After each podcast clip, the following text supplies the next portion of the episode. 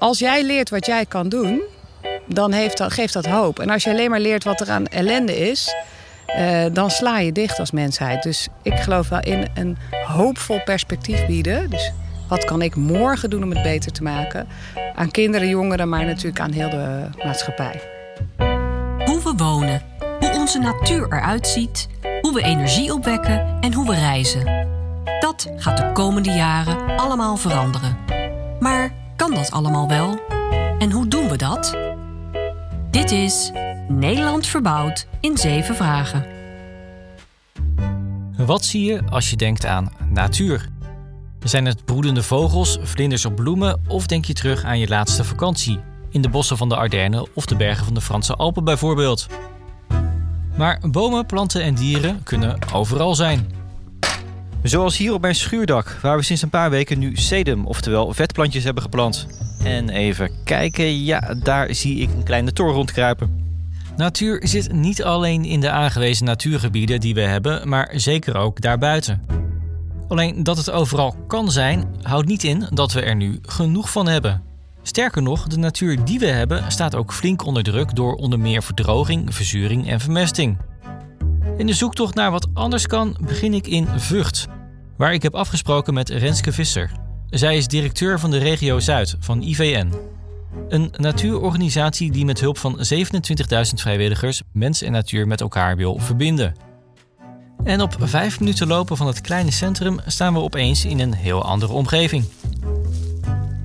Ja, wij staan hier in uh, het Maurikbos. Dat is, uh, ligt tegen Vught aan, drie kilometer van Den Bosch af.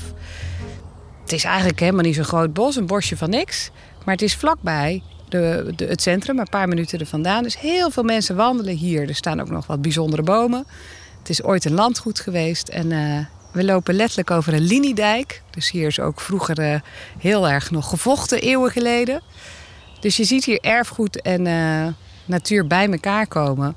En zo'n kleine plek kan toch heel veel bieden. En kan ook zorgen dat de echte natuurgebieden, om maar even zo te zeggen, waar nu nog soorten het heel moeilijk hebben, die wat dichter begroeid zijn, dat die wat meer rust kunnen krijgen. Dus juist door heel veel van dit soort extra plekken toe te voegen, kan je zorgen dat de, de zwaardere natuurgebieden waar dieren willen leven met rust, dat die wat meer uh, ontlast worden.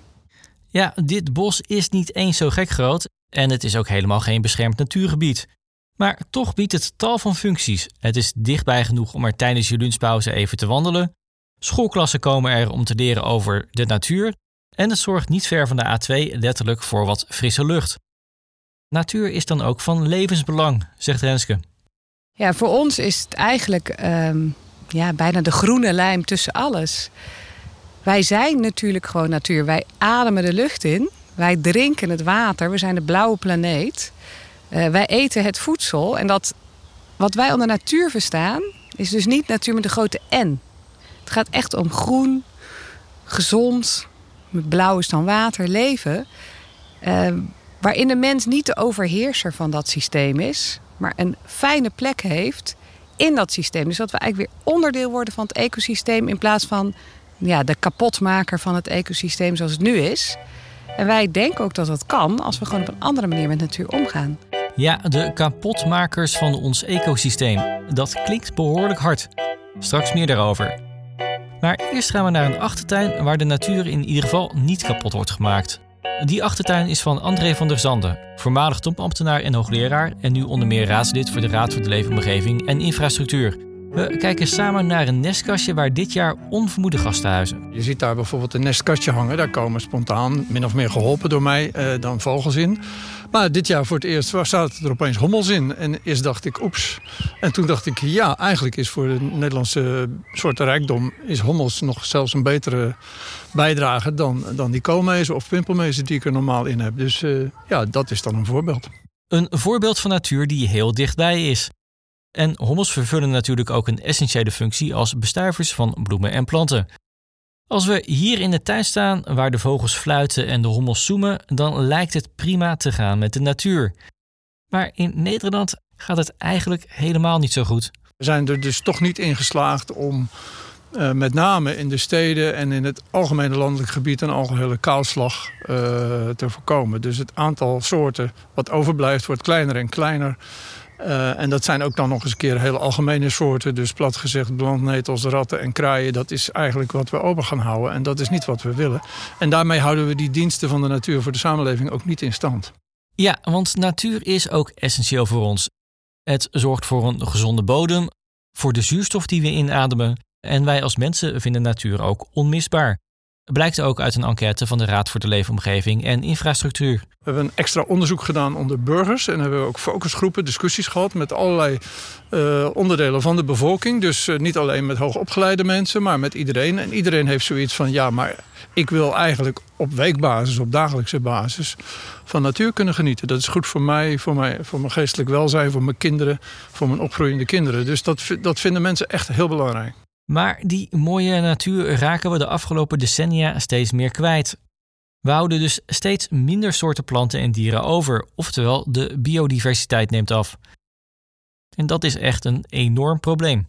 De biodiversiteit is eigenlijk de rijkdom van de natuur, zowel in aantal ecosystemen of landschapstypen als in aantal soorten planten en dieren. En die gaan schrikbarend uh, achteruit. De, ecologen over de hele wereld spreken over een enorme uitsterfgolf... die je moet vergelijken met het uitsterven van de dinosauriërs... toen er een, eh, op Yucatan een, meteor op de aarde viel.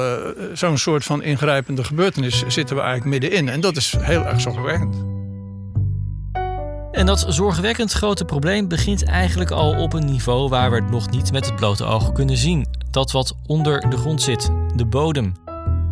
En juist die bodem is ontzettend belangrijk, zegt Annemieke Nijhoff. Zij is directeur van Deltaris, een onafhankelijk instituut dat onderzoek doet op het gebied van water en grond. Ja, ik denk dat de, dat al eigenlijk het hele leven op aarde begint in uh, het bodem- en watersysteem. En uh, dat vraagt dus een, gezonde samenstelling van die bodem, zodat die kan leven. Dat er allerlei vanaf bacteriën en schimmels en hele kleine wurmpjes, dingen die we eigenlijk normaal gesproken als mensen niet zien in die bodem, maar die bepaalt heel erg de gezondheid van de bodem, het incasseringsvermogen. En uh, zonder een gezonde bodem eigenlijk geen goede ecosystemen en ook geen goede gewassen. Dus het is voor voedselproductie maar ook gewoon voor de gezondheid van de natuur. Die begint, uh, net als bij een pizza, bij de bodem. Een levendige en vitale bodem is in evenwicht, legt zij uit. Er zijn voldoende voedingsstoffen voor alles wat moet groeien, er is voldoende vocht, alles is dan in harmonie. Maar je raadt het al, als het niet goed gaat met de natuur, dan begint dat dus bij die bodem. En dat komt weer door ons, dus wat wij mensen met die grond doen. Nou, eigenlijk zijn er eh, vier belangrijke stressfactoren op de bodem. De eerste is de verontreinigingen die wij op die bodem hebben gebracht. Bijvoorbeeld uh, lood of uh, benzineachtige stoffen. Nou, daar zijn we een heel eind met het opruimen. Maar PFAS is bijvoorbeeld weer een nieuw probleem. Het tweede is vermesting. Dat is de overmaat van gebruik van, wat het woord al zegt, mest, nitraat en fosfaat. Waardoor de evenwichten verstoord raken. Dan is er sprake van verzuring, ook door die stoffen, waarmee de zuurgraad van de bodem daalt, waardoor ook bepaalde soorten niet meer kunnen overleven en andere juist wel opbloeien. En uh, ja, tot slot hebben we dan uh, natuurlijk de verdichting. En dat is dat we met eigenlijk heel veel zwaar materieel op die bodem rijden, waardoor de bodem in elkaar geperst wordt. En eigenlijk die vier stressfactoren maakt dat de bodem uh, ja, eigenlijk in slechte staat is. En die problemen worden alleen maar groter. Vermesting bijvoorbeeld is echt een enorm probleem geworden. Ja, ik denk dat je dat wel zonder aarzeling kan zeggen. We hebben uh, heel erg veel mest. Dat heet ook al heel lang overbemesting.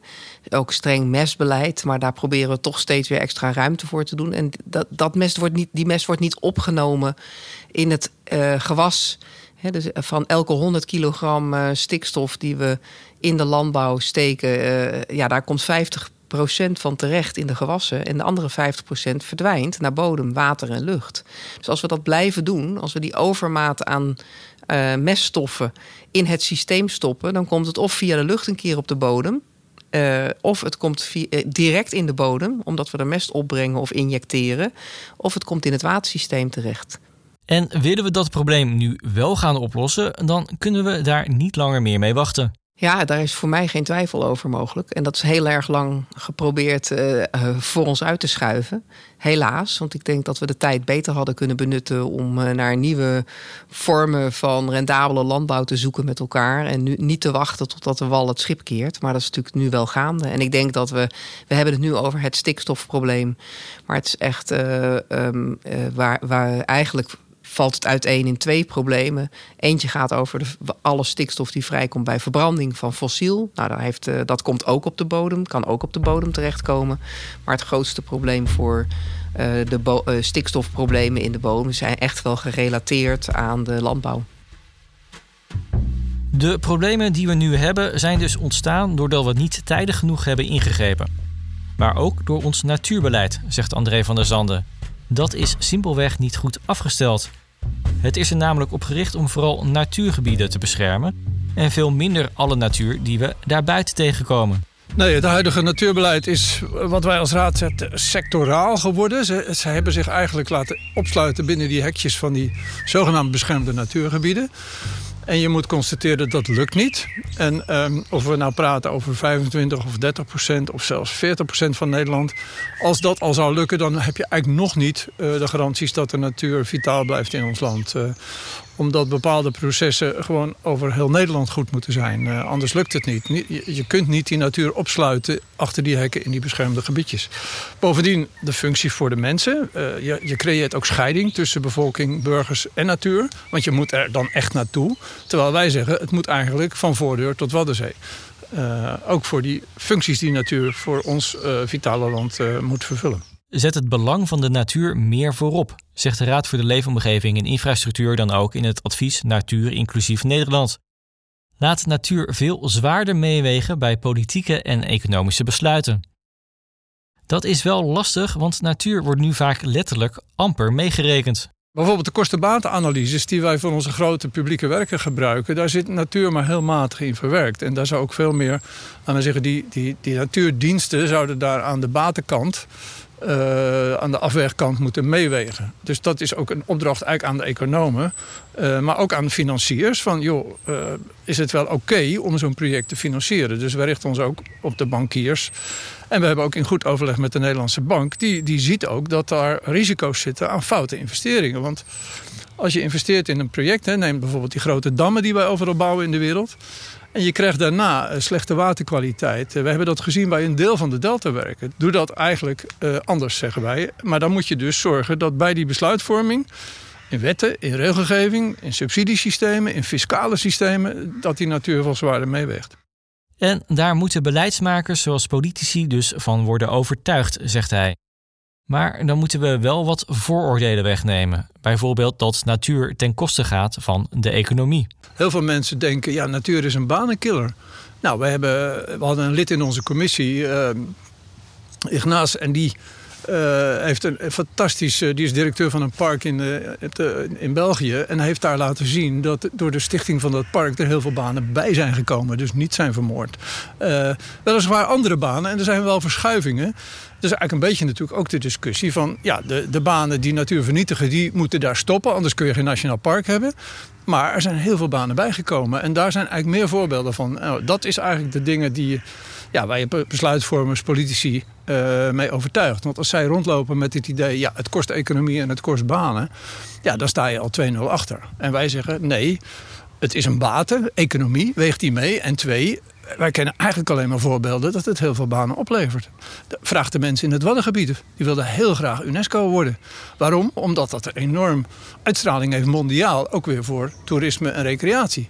Moet je wel weer zorgen voor natuurvriendelijke, natuurinclusieve recreatie, maar, maar toch. Oké, bij banen liggen dus mogelijkheden juist met natuur. Laten we ook kijken naar het herstel van de bodem. En daarvoor moeten we beginnen bij de bron, zegt Annemieke Nijhoff. En in ieder geval twee dingen gaan doen. Ja, het is dweilen met de kraan open.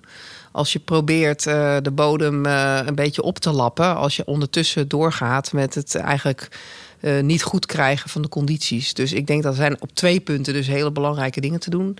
de ene is het vraagstuk van de overbemesting Ik denk dat dat uh, de grootste stressfactor is op heel veel bodems. Gewoon echt, uh, daar zullen we met elkaar dus die draai moeten maken. Maar aan de andere kant gaat het ook over de inrichting van het watersysteem. Dat is ook een hele grote. We hebben in no time in de afgelopen eeuw hebben we het watersysteem, de ontwatering versneld. We hadden last van te veel zompig moeras. Daar kon je niks op verbouwen. Daar kon je ook met je landbouwmaterieel niet op. En dus hebben we overal uh, voortdurend het water zo snel mogelijk afgevoerd. Nou, en nou zie je dus eigenlijk ook daar geldt het einde aan uh, die strategie. Want we krijgen ineens langere, drogere zomers. Dus uh, voor de natuur is dat enorm schadelijk. Dat, dat leidt tot onomkeerbare schade in water afhankelijke natuurgebieden. Maar ook voor de landbouw is dat een enorme stressfactor.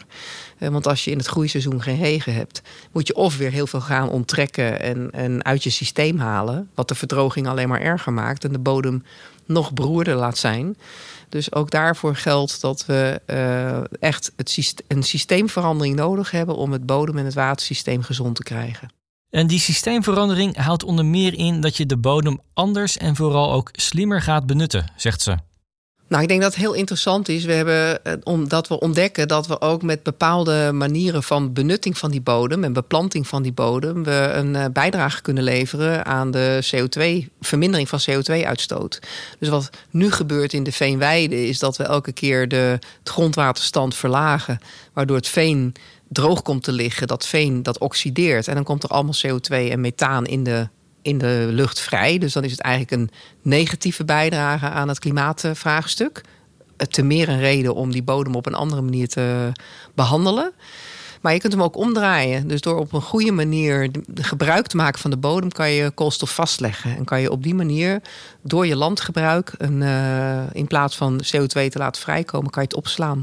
En ze geeft voorbeelden van hoe je dat kunt doen. Nou, door bepaalde gewassen te laten uh, te, te, telen, bijvoorbeeld met een korte levenscyclus die heel veel CO2 uit de lucht opnemen en op die bodem kunnen groeien. Maar het is ook weer het opnieuw vormen van veen. Dus eigenlijk het omgekeerde van veen laten verdampen, kan je ook weer uh, door heel veel organisch materiaal in die bodem te laten opstapelen, ophopen, kan daar weer nieuw veen uh, worden gevormd. En daarmee leg je als het ware weer voor het nageslacht weer nieuw uh, veenmateriaal vast. Grond kan zo meerdere functies tegelijk hebben dus. Denk inderdaad in wat natuur bijdraagt en oplevert, vindt ook Renske Visser. En dat kan je ontzettend praktisch maken. En om dat te illustreren staan we nog steeds in Vught, nu bij een groen schoolplein. Het is niet zo'n heel groot schoolplein zoals je ziet. Het was allemaal steen. En omdat er twee gebouwen dicht bij elkaar zijn, heeft dat extra dat effect van hitte vasthouden.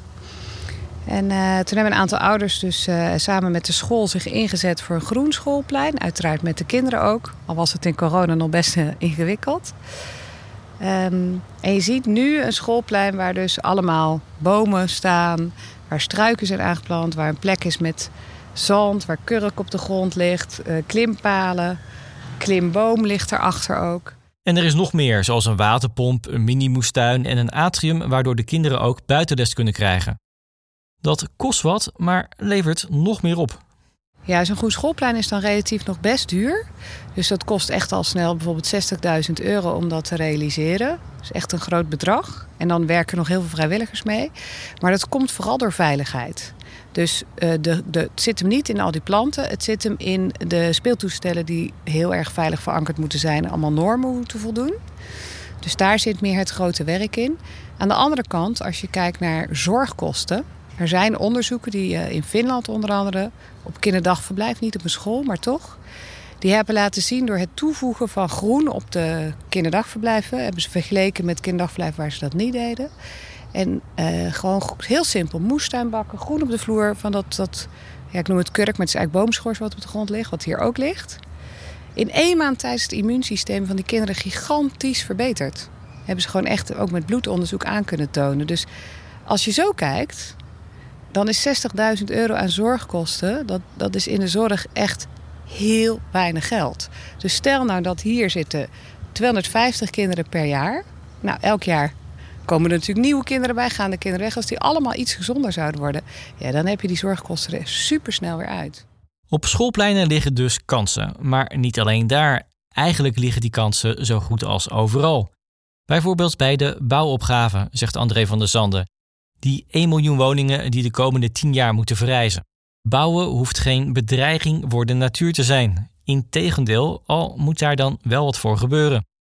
Nou, ik denk, eh, investeren in het nieuwe is eigenlijk altijd een grotere kans dan de sanering van het oude. Want dan, ja, je begint als het ware toch opnieuw en dan... Uh, ik ben daar ook in gesterkt doordat een paar grote bouwondernemingen ook samen een manifest uh, natuurinclusief bouwen eigenlijk hebben gesloten. En die, die willen het graag. Die zeggen alleen, ja, wij moeten wel concurreren misschien met anderen die het niet natuurvriendelijk gaan doen. En zorg nou dat wij een beetje eerlijke concurrentie krijgen. Dus ga nou juridische kaders creëren in die nieuwe omgevingswet. En de uitvoeringsbesluiten daarvan. Dat ja, wij ook worden beloond voor, onze, voor ons koplopergedrag. Dus ook, ook die zeggen eigenlijk, wij willen het. Wij denken dat het goed is voor, voor onze kopers, voor de bewoners. Nou, denkt u alleen maar aan de hitteeilanden. We hebben natuurlijk een paar vreselijk warme zomers gehad. Hittegolven die extreem zijn, dan gaan we er heel veel meer van krijgen. Groene, groenblauwe steden zijn een perfecte oplossing. En, en, woonomgevingen daarvoor. Dus ja, zij zien dat. Alleen, ja, ook daar is het weer van... Ga je dat hier en daar doen? Of ga je eigenlijk op al die honderd of die miljoen woningen die de minister wil gaan bouwen... ga je daar als het ware de afspraak maken... Natuurvriendelijk tenzij. Uh, of natuurinclusief tenzij. En dat is eigenlijk wat wij voorstaan. En dan zien we dat als een immense kans. En sommige steden geven daarin nu al het goede voorbeeld. Ook in de bestaande stadskernen. Recent was ik erg onder de indruk van uh, twee steden die uh, zeg maar beekstelsels, eigenlijk afstromend water van de Veluwe, die bij hun als het ware het riool in verdwenen, om dat nu eigenlijk open te leggen en uh, meanderende beekjes door hun, door hun stadcentrum. En je kunt dus nu in Arnhem, waar ik 2,5 jaar gewerkt heb, kun je op een terrasje aan een meanderende beek zitten in het stadshart met, met, met mooie uh, ja, beekvegetatie. En ja, dat is natuurlijk fantastisch. Iedereen vindt dat ook geweldig. Die horeca-ondernemer is blij. De bezoeker, toerist, oud-bewoner is blij van wauw, dit is dus Arnhem. Vond ik al een mooie stad, maar dit is natuurlijk helemaal geweldig dat dit kan. En het is waterbuffering en het levert heel veel extra natuur op midden in de stad. Kansen genoeg dus, maar dan moeten we wel onze manier van denken veranderen, zegt Annemieke Nijhoff. Want wij hebben de neiging om te kijken met onze blik vanuit het verleden, terwijl we juist voor de toekomst vooruit moeten kijken. Nou, wat ik zelf echt enorm uitdagend vind, is dat we mm, eigenlijk al in de jaren negentig uh, gestart zijn van de vorige eeuw, 30 jaar geleden, met het uh, ons realiseren dat we uh, natuur te beschermen hadden of hebben. omdat het met alle druk die wij als mensen op die natuur zetten, te veel achteruit ging. En uh, eigenlijk hebben we dat vertaald in een, uh, zoals het woord al zegt, Natura 2000. Maar we zitten inmiddels in 2022. Dus uh, wij hebben toen vastgelegd wat we waardevolle natuur vonden en wat daarbij hoorde aan, in, aan indicatoren. En, en onszelf eraan gecommitteerd. het woord zegt ook instandhoudingsdoelstellen, om dat in stand te houden. Maar inmiddels zijn we twintig jaar verder. Het klimaat verandert, het hele bodem- en watersysteem verandert. En dat, uh, dus ik vraag me wel eens af, hoe zou Natura 2100 er nou uitzien? Zouden we niet naar een veel dynamischere kijk moeten op natuur? Wat veel meer gaat over grotere aaneengesloten stukken, vrijwaren van verontreiniging. Eigenlijk waar we in het begin van dit gesprek over hadden. Do good hè, voor het systeem. Maar laat het systeem vervolgens ook uh, een zekere vrijheid om zich te ontwikkelen in de richting die past bij de bodem, bij het watersysteem en bij het klimaat dat aan het veranderen is. Dus waar ik me zorgen over maak, is dat we heel erg ons best doen. Ik noem dat wel eens oneerbiedig knutselnatuur. Uh, om alles te proberen te engineeren.